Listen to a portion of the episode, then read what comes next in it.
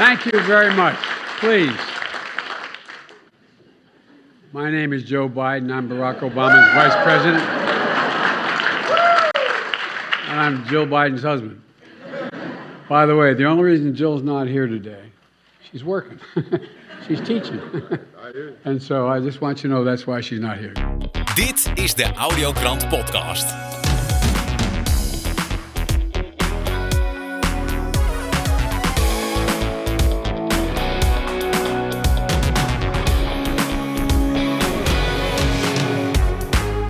Fijn dat je luistert naar de Audiokrant.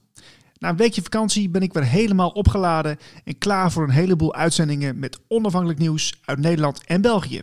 En deze week hoor je Pieter Stuurman, die het heeft over een nieuwe wet die weer is ingegaan met grote impact op de woon- en leefomstandigheden van veel mensen. Schrijver Peter Tonen vertelt over de LIMC en zijn laatste interviews voor Café Welsmatch. En tot slot het laatste nieuws uit België met Veerle Coulombier. De Audiokrant. Ik ga verder met Pieter Stuurman. Pieter, goedemiddag. Dag Niels, hi. Pieter, we, we zitten weer in de audiokrant. Uh, ik was een weekje met vakantie, maar nu ben ik weer helemaal weer terug. Um, Oké. ik, ik ben altijd uh, benieuwd wat, uh, wat het nieuws van de week is. En wat is jou deze week opgevallen? Nou, wat me vooral is opgevallen is dat uh, het kabinet nu een, uh, een, nieuwe wet heeft, of een, eigenlijk een oude wet heeft afgestoft. Dat is de wet verplaatsing bevolking. En die stamt uit, uh, uit 1952 en was, de, was kort na de oorlog en was bedoeld voor eventuele oorlogssituaties.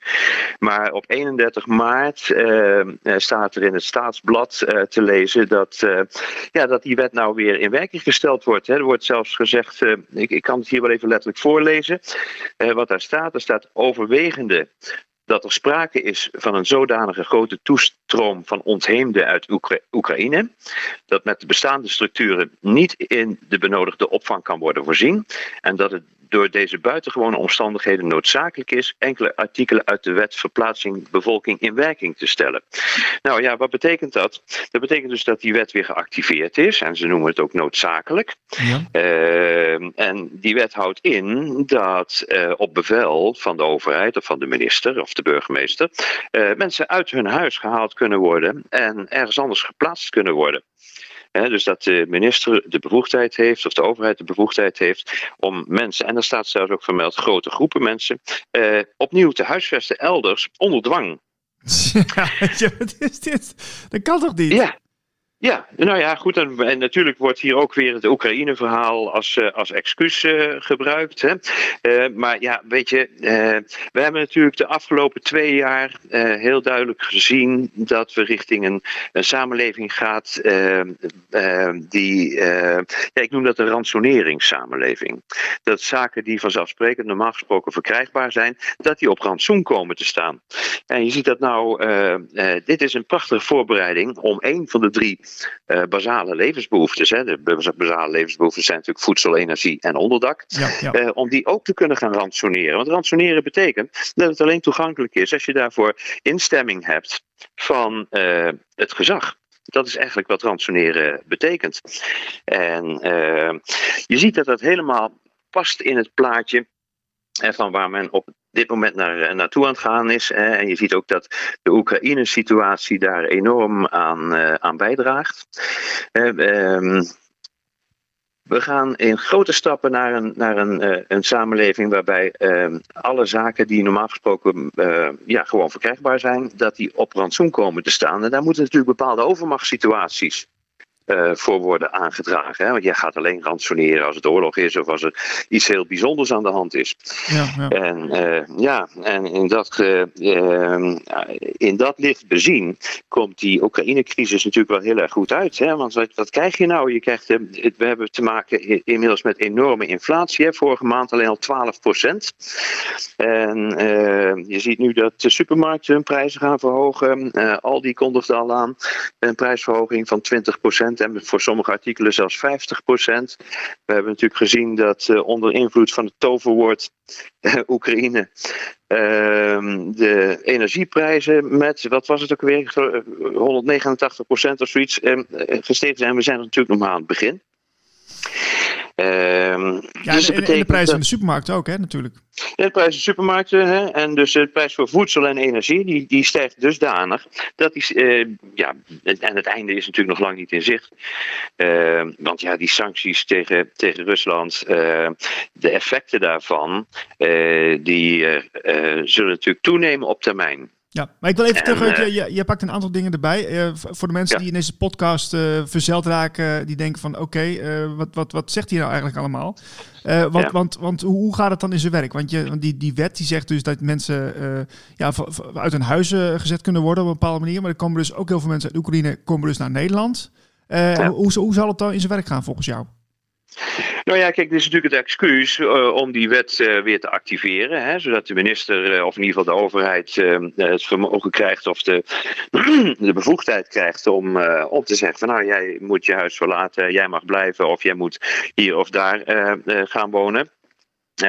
waarbij de overheid dus bepaalt waar wie woont en eh, als excuus wordt natuurlijk ook weer hier in uh, Oekraïne aangedragen. Want ja, goed, we krijgen natuurlijk te maken met vluchtelingen. En eh, ja, nu wordt er gezegd, ja, die kunnen we niet plaatsen. dus ja, dan moeten we dwangmaatregelen gaan nemen. Dus dat is het idee. Maar in het grotere plaatje, als je kijkt, kijk, we hebben natuurlijk nu te maken met die, met die Oekraïne-situatie. de media die leggen alle aandacht erop en niet helemaal toevallig lijkt het alsof het corona-verhaal nou in één keer helemaal over is. Uh, zodat de aandacht ook helemaal daar naartoe gaat. Uh, hè, maar uh, daarnaast hebben we natuurlijk ook nog te maken met een ongekende omvorming van de wereld, die twee jaar geleden begonnen is. Een omvorming van een voorheen vrije maatschappij en een redelijk open economie naar een top-down autoritaire wereldwijde samenleving. En dat proces gaat, gaat ook gewoon door. En daar zit een verband tussen die twee dingen. Uh, weet je, uh, het, is van belang dat je. Uh, dat mensen begrijpen waarom deze situatie zoals die nu is, eigenlijk al heel lang onvermijdelijk was. En dat heeft, uh, dat heeft te maken met de, het einde van de houdbaarheid van het financiële systeem. Mm -hmm. iedereen die zich in de tijd in 2008, toen we de kredietcrisis hadden, in verdiept heeft, kwam tot die conclusie uh, dat het uh, financiële systeem zoals het nou is, dat dat onhoudbaar is en dat dat dus een keer om gaat vallen. En uh, dat uh, hebben degene, de, laat maar zeggen, de bovenbazen in het systeem ook wel begrepen. Uh, dus die zijn nu bezig met wat Klaus Schwab, hè, de voorzitter van, of de, de, de, de directeur van het World Economic Forum, de Great Reset noemt. Hè. Uh, het is een systeem dat zo ongelooflijk veel schuld creëert en waarbij het ook noodzakelijk is steeds meer schuld, op, hè, in, in, in exponentiële mate meer schuld de samenleving in te pompen, ehm, om zichzelf overeind te houden. Dat het uh, ja, dat, het, dat het een keer stopt. Ja. Ja. En uh, nou ja, dan kun je dat maar beter zelf um, bepalen wanneer je dat wil laten eindigen, dan het gewoon laten gebeuren. Ja, want wat, dus wat, wat, daar ben ik even benieuwd naar. Want, want uh, dus als jij zelf de touwtjes in de handen hebt, dan kun je dus uh, op het juiste moment timen wanneer iets dus in elkaar stort. Ja, precies. En wanneer verwacht je dat dan? Is, dat, is er iets over te zeggen? Nou, die instorting die is nu, die is nu bezig. Uh, maar voordat die, uh, die, definitieve instorting plaatsvindt, heb je natuurlijk een nieuwe systematiek nodig. Want de hele wereld is uh, afhankelijk van geld en economie. En als dat in elkaar dondert, ja, dan, dan, dan stopt die wereld te bestaan. Dat is één ding. het tweede is, dan zijn degenen die hun enorme vermogens en enorme machtsposities te danken hebben aan het oude systeem, ook hun posities kwijt. dus die hebben daarvoor een nieuwe systematiek bedacht. Een idee uh, waarbij uh, het economische model wordt ingeruild voor een, een ransoneringsmaatschappij. Een ransoneringssamenleving. Waarbij mensen uh, niet langer uh, geld gebruiken, geld dat ze verdiend hebben, bijvoorbeeld door loon of winst. Ehm, om toegang te krijgen tot hun primaire levensbehoeften, maar waarbij het simpelweg wordt toegewezen van bovenaf, uh, met eraan gekoppeld uh, de eisen die eraan gesteld worden om ja, toegang te krijgen tot je rantsoen. Ja, de voorwaarden. Ja, ja. De voorwaarden, hè? ja. En, uh, dus dat is het nieuwe model. En we hebben natuurlijk de afgelopen ik, heb, ik kan me herinneren, Niels, ik ben een keer bij jou geweest. Daar hebben we ook een videopodcast opgenomen. Toen hebben we het er ook over gehad. Hè. Dat, dat was toen nog in, ik geloof, september 2020, als ik het goed zeg. Ja, dat was, ja klopt. Ja, inderdaad. Ja. Ja, en eh, toen hebben we de situatie ook bekeken. En ehm, toen ehm, kwamen we tot de conclusie dat de, ehm, de, de, de, de lockdowns maar het begin waren van de totale ehm, omvorming van de wereld. En dat de grootste klap eh, later zou komen in de vorm van een economische ineenstorting. Nou, we staan nu op de, ja, eh, op de, aan de vooravond van die economische ineenstorting. En ehm, Weet je, dit, dit hele eh, monetair, financieel, economische model is al heel lang op sterven na dood. Het uh, ligt al sinds 2008 aan een, financi aan een financieel infuus. Hè. De, de, de rentestanden zijn bijna nul. Om uh, zijn in ieder geval in die periode eh, bijna nul geweest. Ja. En, eh, eh, dus dat betekent dat het ehm, aantrekkelijk was om geld te lenen, omdat het niks kost. En nu zie je dat dat ineens gaat veranderen, want we krijgen nu ineens te maken met hele sterke inflatie. Inflatie, zoals ik net al noemde, van 12% en het einde is nog lang niet, nog lang niet in zicht. dat betekent dus dat alle producten in de supermarkt eh, voor de gewone burger allemaal veel duurder gaan worden. Ehm, maar dat betekent ook eh, dat de rente, die al heel lang heel dicht bij nul stond, ook sterk gaat stijgen. Omdat dat gekoppeld is aan de inflatie. Eh, want als je een inflatie hebt van, laten we zeggen, 12 eh, procent, dan is het niet handig om geld te bezitten, maar het is veel handiger om geld te lenen als je tegen 2 procent kunt lenen. Mhm, mhm. Want jouw bezit wordt steeds minder waard. En als jij op het moment dat je het uitgeeft leent, ja, dan kun je daarvoor eh, spullen kopen zonder dat je last hebt van die waardevermindering. Dus dat betekent dat het onvermijdelijk eh, zal leiden tot een, ook een enorme rentestijging. En als je die dingen nou bij elkaar optelt, het veel duurder worden van energie, van voedsel en een enorme rentestijging in een markt waarin de huizenprijzen zo ongelooflijk ehm, uit hun jasje gegroeid zijn. Zeg maar, gemiddeld, een, een, een, eh, gemiddeld huis kost in Nederland op dit moment geloof ik vier modale of vier gemiddelde jaarsalarissen. Ja, ja, dat is gigantisch. Echt. Ja. en mensen hebben dat natuurlijk gedaan omdat die rente zo laag was. En omdat ze dachten van, nou ja, oké, die maandlasten die zijn allemaal wel op te brengen. Dus waarom zou ik geen huis van 3,5 of 4 ton kopen? Eh, maar als dadelijk die rentes eh, weer gaan stijgen, en dat gaat op zeer korte termijn gebeuren, eh, dan betekent dat dat wonen ook onbetaalbaar wordt. En ehm, Want, want ja, goed, als jouw hypotheek al maar huren precies hetzelfde, omdat eh, de huren ook eh, eh, afhankelijk zijn van de rentes. Ja, dat betekent dus, Dus dat betekent- wonen wordt dus, wordt dus onbetaalbaar. Ja. het, het leven aan zich, dus, dus het voedsel of, eh, kopen en, en, en leven, wordt onbetaalbaar. Ja. Dus, eh, ja, de drie, de ja. drie basale levensbehoeftes. Hè? Voedsel wordt onbetaalbaar, je ziet het nu gebeuren. Energie wordt onbetaalbaar, je ziet het nu gebeuren. En eh, doordat daardoor ehm, eh, je eh, flinke inflatie krijgt, zal de rente stijgen. En wordt wonen ook onbetaalbaar. Dus dan heb je de drie basale levensbehoeftes die niet meer toegankelijk zijn voor, laten we zeggen, de helft van alle Nederlanders. Ja. En eh, ja, dan, is het, eh, dan moet er natuurlijk ingegrepen worden, want je kunt niet. eh, ehm, wat is het, eh, 9 miljoen of 8, 8 miljoen, 8,5 miljoen eh, Nederlanders op straat laten slapen. Dan moet er ingegrepen worden en dan zal de overheid eh, de woningvoorraad eh, als noodsituatie. Maar we hebben gezien afgelopen twee jaar hè, wa- wa- waartoe nood, noodsituaties allemaal kunnen leiden. Hè? Ja, ja, ja. ja. Eh, ja, eh, maar als noodsituatie zal de, de, de overheid de woningvoorraad eh, gaan beheren. Ja, en daarvoor moeten ze natuurlijk wel de bevoegdheid hebben om te bepalen wie waar gaat wonen. En je ziet dat dat dus nauwkeurig netjes wordt voorbereid en dat ook hier Oekraïne weer als eh, excuus eh, eh, wordt gebruikt. Ja, ja, precies. Dus eigenlijk twee vliegen in één klap, zou je kunnen zeggen. Ja, ja, twee, ja, twee vliegen in één klap. En de meeste mensen zien natuurlijk als eh, de, de hele coronacrisis en de Oekraïne-crisis als twee verschillende dingen. Maar ehm, als je het, eh, kijkt naar wat het resultaat ervan is, dan dienen ze allebei wel hetzelfde doel. Ja. De omvorming van de samenleving van eh, een, laten we zeggen, redelijk vrij economisch model naar een autoritair ransoneringsmodel. En daarvoor heb je natuurlijk overmachtssituaties nodig. En corona was een overmachtssituatie, tenminste zo werd die voorgespiegeld.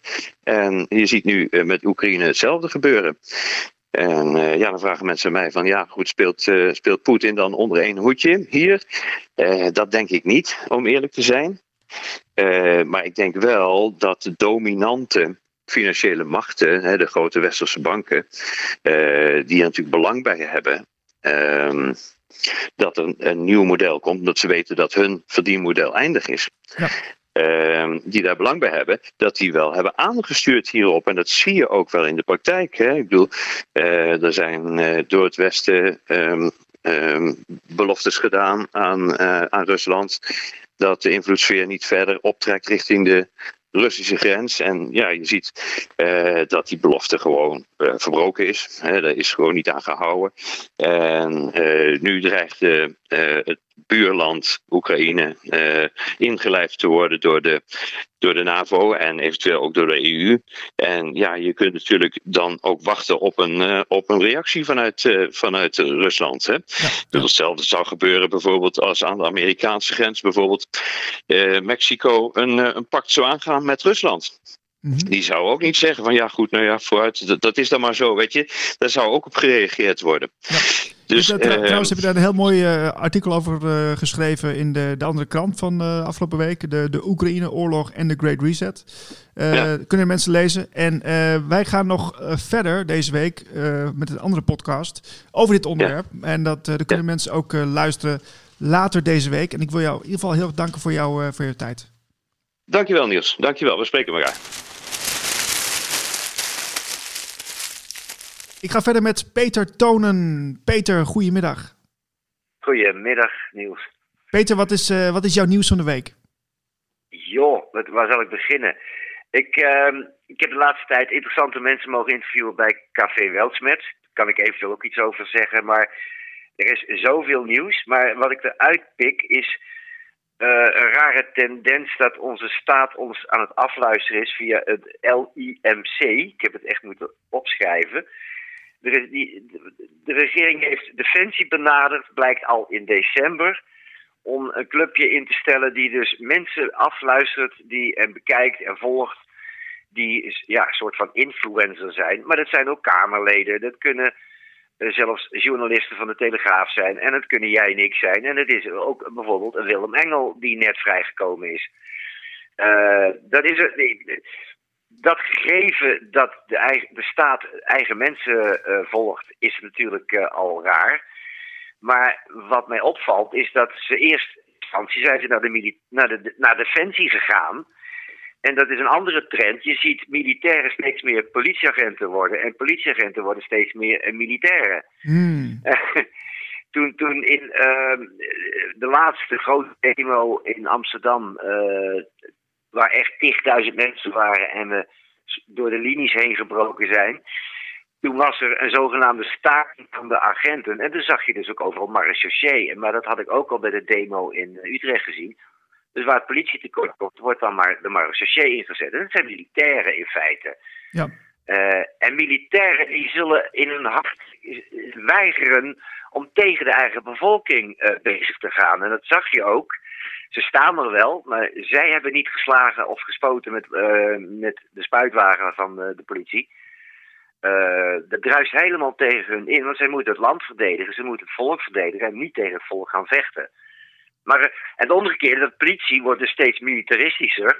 die krijgen steeds meer uh, rare wapens ter beschikking, maar ook ja, middelen om af te luisteren. Uh, ja, dat zie je dus ook. En dan zie je dus eigenlijk, ja, wat ik al zei, als een land, als in een land de militaire politie wordt en de politie wordt militair, ja, dan, dat, dat lijkt dan op een soort burgeroorlog. Het lijkt in ieder geval op een staat die de burgers niet meer vertrouwt. En vind je het dan vreemd dat de burgers de staat niet meer vertrouwen? Ja, ja, nee, nou precies. Ja, ik, ik, ik, lees, ik lees het ook in andere kranten. Hè. De, de WOP-documenten tonen corona-beerput, uh, lees ik van Ido Dijkstra. En hij schrijft ja. er ook bij van in december 2019 uh, richtte het ministerie van Defensie een eenheid op. Dat is dus het LIMC. Ja, dat is toch, ja. uh, dan denk ik van Defensie, dat is toch een hele andere tak van sport dan... Ja, maar de Defensie heeft het ook teruggespeeld naar de politie. Hè? Die hebben uiteindelijk na een paar maanden wat niet raar is, eh, hebben ook gezegd van nou, dit, dit is niet onze taak. En ik geloof daarin, eh, mensen van Defensie, die geloof ik daar ook in. Die, die zijn in hun hart, zijn het geen mensen die tegen het eigen volk uh, bezig gaan. Het druist tegen alles in waar ze voor staan, ook, ook op een hoog niveau. Uh, dus het is niet raar. Maar, dus we hebben het teruggegeven naar de politie, maar intussen bestaat die club van, wel in feite. Dus het is, het is een rare, ja, rare trend waar we in zitten. Maar goed, ze kunnen doorgaan, want die wotpapieren die, die brengen van alles boven tafel op dit moment. Uh, ja, nee, ik, de, de, de, de, onderste steen is lang niet boven. Er zijn een, drie uh, onderzoeksjournalisten op Twitter natuurlijk uh, druk mee bezig. ik heb even de naam niet bij de hand over. Maar dat, dat, dat, dat, daar gaat natuurlijk een keer informatie naar boven komen waar, ja, wat gewoon desastreus is voor de, voor de zittende macht natuurlijk. Ja, dat is een andere rode draad die ik waarneem. het exposen heet het dan met een, een nieuw Nederlands woord.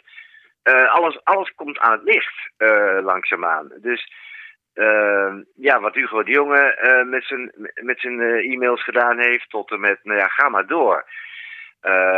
dus de, het, hoe, de, hoe de overheid aan het framen is, tot en met wat er werkelijk aan de hand is met, in Oekraïne, wat tot een economische crisis leidt. Nou goed, die economische crisis die moest al komen. dat komt steeds meer aan het licht. dat is de rode draad. En in die zin kan je gewoon toekijken hoe, hoe het systeem langzaam zichzelf aan het ondergraven is. En ja, hebben mensen als jij en ik die journalistiek werk verrichten ook de taak om dat uh, proces te versnellen, om het maar zo te zeggen. We, krijgen het allemaal op ons bordje toegeworpen om het aan boven tafel te mogen brengen. Uh, ja, en dan is het aan, aan uh, het volk wat ze er wel of niet van oppikken. Want ja, het, is, het is af en toe echt te zot voor woorden wat je tegenkomt. Ja, het, is ook zo, het is inderdaad ook zoveel informatie, hè, Peter. Want ik, wat ik altijd wel lastig vind, je bent natuurlijk bij veel, uh, je, je doet zoveel onderzoek en dan, dan, dan trek je daar conclusies uit. Maar uh, uh, ja, je wordt al heel snel in het hoekje geduwd van complotdenker. Terwijl je denkt van ja, volgens mij zijn het gewoon hele logische bevindingen die ik doe. Maar die, die mag je blijkbaar niet altijd hebben, want dan, dan ben je een, een, ja, een complotdenker. Ja. Nou ja, ja, natuurlijk ben ik een complotdenker, want er is, er is sprake van complotten. Ik bedoel, dan moeten we weer naar de definitie van complot. Het is gewoon een, samenzwering tussen een paar mensen om iets voor elkaar te krijgen. En ja, iets anders is het niet. En, het heeft een, complotdenken heeft een negatieve connotatie gekregen, maar dat hoort juist bij vreemden, waar complotdenkers uh, tegen uh, tekeer gaan ook. Weet je? Want wat we, het complot, ja, hoe zeg je dat? Het, er worden complotten tegen ons gesmeed, want we worden geframed. Er wordt een frame neergezet, er wordt een narratief uh, gemaakt van hoe de werkelijkheid behoort te zijn. En wie daar buiten valt, ja, die is dan complotdenker of whatever. Maar goed, jij weet ook waar het woord vandaan komt. Het heeft de CIA ooit uitgevonden na de moord op Kennedy. Uh, ja. Toen iedereen uh, een versie in twijfel trok, uh, werd, waren wij complotdenkers hoe zo oud is, die, is het al? Dan zit je al in 64 of 62, dan zitten we dan. Dus het is al heel oud hoor. De, de, de CIA is er zelf meegekomen. Ja, dat is ook zo. Dat is ook zo. Ik wil nog even met jou naar uh, jou, jouw uh, interviewrol die je hebt bij Café Weltsmerch. Um, mm Want uh, wat, wat, was nou de, de meest ja, aansprekende gast die je hebt gehad van de laatste tijd? Nou, ja, ik, ik, ik interview schrijvers. Ik doe het nu iets minder omdat ik zelf weer aan het schrijven ben, want ik moet al die boeken maar lezen de hele tijd. Maar waar ik veel plezier aan gehad heb, is een, uh, het de, meneer eh, Bart Uitenhagen uit Gent. Uh, die heeft een boek over, ja, UFO's heet het dan, geschreven. En, dat lijkt een raar onderwerp, maar het, het, het, komt ook dat komt steeds meer boven water. En uh, ik ben even de titel van het boek kwijt, maar als je zijn naam uh, intikt, kom je dat boek vanzelf tegen. Het is bij uitgeverij Obelisk van Koen Vermeeren ook uitgebracht. En anders moet je het interview terugzien. Die man dus heeft, had echt heel veel te vertellen, ook echt de diepte in. Dus niet alleen een, technologisch verhaal of een, of een zweverig verhaal, maar echt een, een verhaal van ja, uh, we hebben heel veel technologie ook aan, aan uh, buitenaardse te danken. Denk aan de chip en de laser die er ineens was. En, hmm. daar zitten allemaal. En wat aan de hand is, er wordt in heel veel landen niet meer vreemd over gedaan. Ook officieel niet meer door de Amerikaanse regering en door anderen. Dus ehm, ja, eigenlijk kom je erachter dat we waarschijnlijk zelf bu- buitenaard zijn. En hier een soort opgesloten zitten met een beperkt eh, waarnemingsvermogen. Eh, maar we zijn echt niet alleen. En, en eh, nou ja, er is, ook daarin gaat zich de komende jaren gaat van alles openbaren. En kijk, dan kom je ook terecht bij, eh, hoe zeg je dat? Dat we dus heel andere energiesystemen kunnen gebruiken. Want eh, dat, dat zei Koen Vermeer al een keer van, als je UFO hebt gezien, dan snap je dat dat ding niet op diesel loopt. Nee, zeker Dus- niet. Ja. ja, maar je, merkt, je merkt als je de, de, ges- de geschiedenis er een beetje bijpakt, hè, als je foto's ziet van pak een beet 150 jaar eh, geleden, dan zie je dat, eh, dat we met, met, met paard en wagen nog eh, overal heen moeten. En eh, dan zie je die, die sprong die nou gemaakt wordt naar de technologie die er nu is. Ja, die, kan niet gemaakt worden. Dan moet, daar, daar is een, er zit- een, een, een cruciale schakel. Nou ja, er is. Er was een. Kijk, ja, er wordt ook veel weggemoffeld. Want wa- kijk, Tesla. eh, die had ook prachtige dingen uitgevonden. Maar dat mocht. Kijk, het hele ding is. Er zijn gewoon heel veel prachtige oplossingen voor onze gezondheid, energievoorziening, voedselvoorziening. Eh, maar, eh, hoe zeg je dat? Ja, dat, dat, dat mag niet gebruikt worden, omdat het mensen zelfvoorzienend maakt en onafhankelijk maakt dus van, van de grote big tech en big pharma en wat heb je allemaal, eh, big oil Ja. eh, Ja. maatschappij. Dat- dat- dus dan kom je ook op dat soort onderwerpen terecht meteen. Eh, maar ja, in die zin, als ons bewustzijn groeit, want daar hangt het mee samen, ja, dan mogen we ook die, die nieuwe technologieën echt gebruiken. Want dan gaan we ze ook niet tegen ons gebruiken, maar dan worden ze voor ons gebruikt en voor de aarde. Dus het is een bewustzijnsverhaal. Daar kwam het ook op neer, dat hele verhaal dat ik over UFO's had met Bart Uitenhagen. Mooi. Nu kunnen, kunnen we het uit, ja. eh, de, de, de uitzending is te zien op de, de website van Weltschmerz, neem ik aan. Ja, die kan je ook nog gewoon nog terugzien. Ja, ja. Super. Eh, Peter, dank voor je tijd. En we blijven je volgen op, ja, bij, Welsmatch en ook met jouw activiteit als schrijver, hè? Ja, ja, ja, er komt wel weer een keer een boek aan. En ik schrijf ook andere artikelen her en der. Dus. en ik geef mijn lezingen en mijn workshops. Eh, over eh, de parallele samenleving, maar ook over hoe je jezelf energetisch kunt versterken en helen. Ik ga verder naar het mooie België met eh, onze verslaggever te plaatsen. Dat is eh Veerle Coulombier. Veerle, goedemiddag. Goedemiddag Niels. Leuk je weer te spreken. Ja, helemaal hetzelfde hier ook. Ehm, ja, ik ben heel benieuwd eh, hoe het bij jullie gaat in, in België. En ehm, jij appte mij een, ehm, een bericht door dat, eh, dat, ja, dat die vaccinatiecampagne voor, voor kinderen eh, gewoon bij jullie doorgaat, hè? Ja, dat klopt Niels. Is dat eh, bij jullie ook zo? Of ehm, ben je daarvan op de hoogte in Nederland? Want hier is het volop op volle toeren bezig. Nou, ik, ik, heb, ik heb er daar niet zo mee bezig gehouden, moet ik eerlijk zeggen. Maar dat, dat verhaal van jou vond ik wel opvallend. Ja, het is inderdaad zeer opvallend. Dus eh, ik dacht, ja, er zijn versoepelingen. Iedereen kan uitgaan, op restaurant gaan, op elkaar wel zitten, bij wijze van spreken. Eh, we zijn, het lijkt alsof we helemaal vrij zijn. Ehm, dus ik dacht, ja, er zal wel niks meer aan de hand zijn. Tot een vriendin van mij eh, contact opnam en zei van, ik heb net een brief gekregen. Haar dochter werd juist vijf jaar. om een uitnodiging voor de kindervaccinatie. En eh, dan heb ik wat onderzoek gedaan en inderdaad, op de site van de Vlaamse overheid kan je dus heel duidelijk terugvinden dat elk kind dat vijf jaar wordt bij ons eh, een brief krijgt. En als je dus die brief niet beantwoordt om je kind te laten vaccineren, word je na 28 dagen opnieuw eh, aangeschreven. En dat geldt dus voor alle Vlaamse mama's en papa's. De kindervaccinatie die loopt dus door. Men zet dus nog altijd de kinderen in eh, in de strijd tegen corona, terwijl het lijkt alsof er geen corona meer is, want er wordt in het nieuws vooral over Oekraïne gesproken. Dus eh, de vraag is dus, waarom blijft men de kinderen inzetten, ehm, terwijl alle volwassenen gewoon vrij hun ding mogen doen? Er zijn ook heel veel ouders die weigeren. Eh, de vaccinatiecampagne voor kinderen in zaken COVID is in Vlaanderen en in Wallonië niet zo... ehm, ja, is niet zo'n succes geweest tot nu toe. De meeste ouders die ik gesproken heb, eh, die hebben pertinent geweigerd, of de brief genegeerd, of de brief verbrand, of, Zo. De, brief, ja, of de brief verscheurd in kleine stukjes. Ehm, En dus uh, de meeste ouders twijfelen of de spuit geen risico is voor hun kind. En verstaan ook niet waarom een kind, uh, het lichaam van een kind moet worden ingezet uh, tegen corona. Zeker nu er zoveel versoepelingen zijn. Ja, en wat, wat is nou, want je, hebt, je hebt natuurlijk Vlaanderen en Wallonië. Is, is, zit, er nog, zit er nog verschil in hoe, hoe men daarmee omgaat?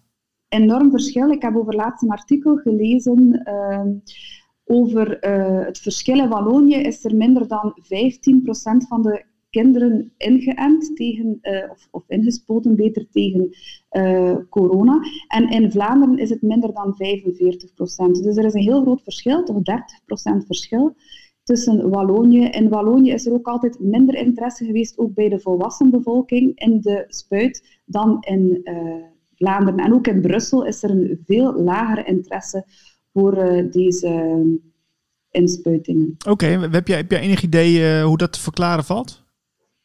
Ja, een idee, dat is, dat is een idee, ik heb dat eigenlijk nog niet onderzocht, maar het zou toch te maken hebben ook met de, uh, met de verschillende culturen die in Brussel uh, zijn. Er zijn heel veel mensen die wegens hun geloof niet willen uh, ja, ingespoten worden. Dat is een van de dingen die ik gehoord heb, maar ik heb het nog niet nader onderzocht.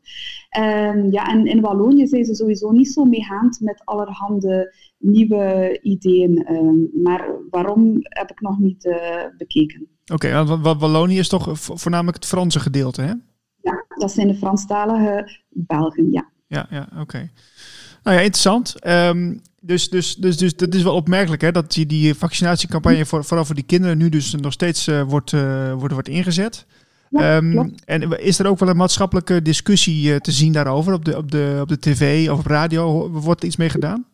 Nee, er wordt uh, helemaal niet over gesproken. Er is ook nog, zover ik, voor, zover ik weet, niks over gemeld in het nieuws. Ik vind daar ook geen artikelen over terug. Dus de Vlaamse overheid blijft op de kinderen inzetten, maar doet het in stilte.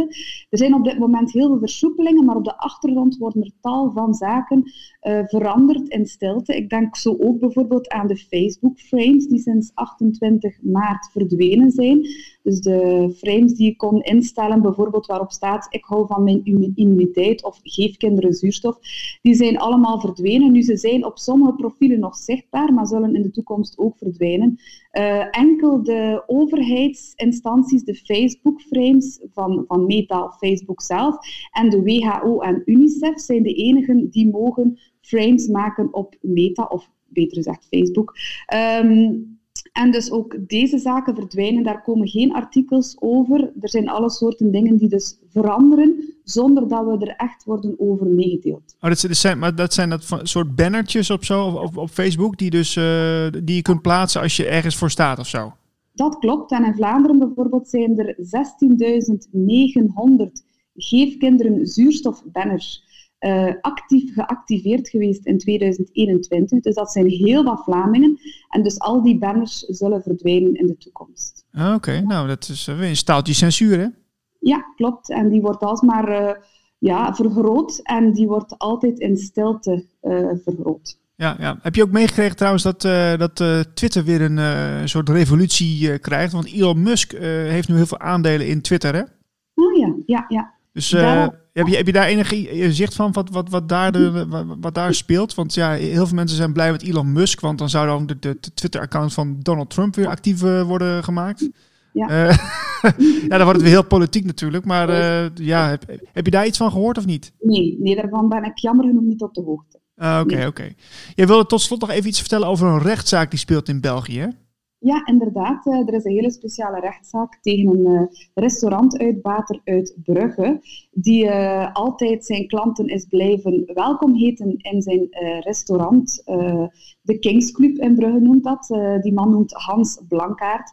En hij heeft altijd ja, niet willen discrimineren op basis van medische geaardheid. En daarvoor is hij dus voor de rechter gedaagd op 4 maart 2022. Ik ben daar ook gaan filmen.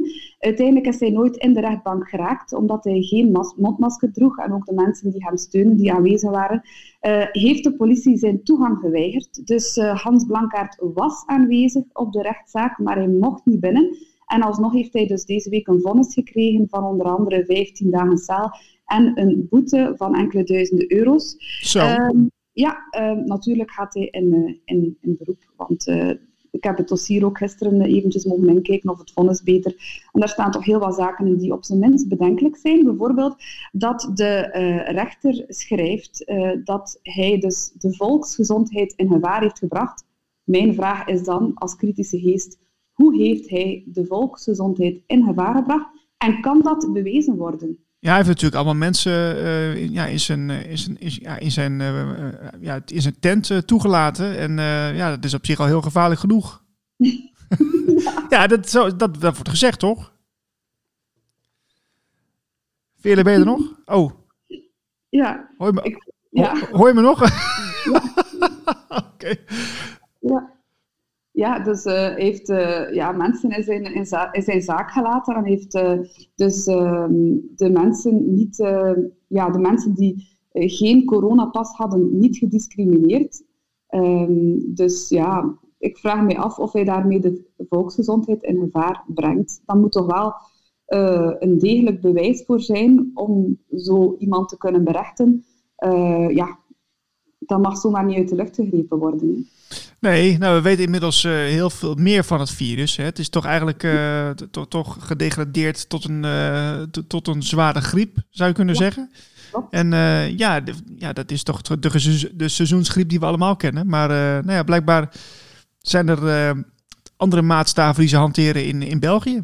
Ja, inderdaad. En die maatstaven moeten natuurlijk gegrond zijn. En uh, we wachten het nog af. Um, ja. Ondertussen gaat Hans hoogstwaarschijnlijk, maar ik moet er nog een uh, zekere bevestiging van krijgen, ook de kranten die vroegtijdig informatie over zijn vonnis hebben gelost aanklagen. Ik denk aan de HLN. En uh, nog een tal van andere kranten die dus informatie hebben bekregen, of gekregen over het vonnis. En die dat te vroeg hebben gelost, waardoor dat Hans dus ook ja, daardoor problemen heeft uh, gekregen, omdat bepaalde mensen al dachten dat hij in het gevangenis zat. Hè. Dus het, het, is heel snel gegaan en er is van alles verkeerd uh, gecommuniceerd uh, door de pers. Jeetje, nou, dit, maar er, er gebeurt dus nog wel genoeg in België de laatste tijd. Ja, toch wel. Ik had het niet gedacht. Ik dacht versoepelingen, maar als je goed rondkijkt, dan merk je toch dat er heel wat opmerkelijke zaken gebeuren. Ja, oké. Okay. Um, nou, vele dank voor je update. Heel graag gedaan. Uh, en uh, we horen je graag uh, over een tijdje weer met het laatste nieuws uit, ja, uit België, onze zuidenburen. Oké, okay, prima. De Audiokrant. Ik hou er sterk rekening mee dat we op enig moment in dit jaar en uh, voor nu lijkt het los van wat we nu doen met de 60-plussers... lijkt het meest voor de hand liggend dat we dat in het najaar moeten doen. Maar een sterke rekening mee dat je op enig moment weer een herhaalprikronde moet doen. En voor ja. welke leeftijdsgroep dan? En het zal, als je weer een herhaalprik doet, zal dat op enig moment zeker zijn voor de meest kwetsbaren. Mm -hmm. Maar potentieel, en zeker bij opkomst van nieuwe varianten... kan dat ook weer zijn voor iedereen die eerder een prik uh, aangeboden heeft gekregen. We need to wake up, we need to rise up... We need to open our eyes and do it now, now, now. We need to build a better future, and we need to start right now. We are sharing, cause we are caring. Need to get wise, take no more lies and do it now, now, now. We need to build a better future, and we need to start right now. De Audiokrant.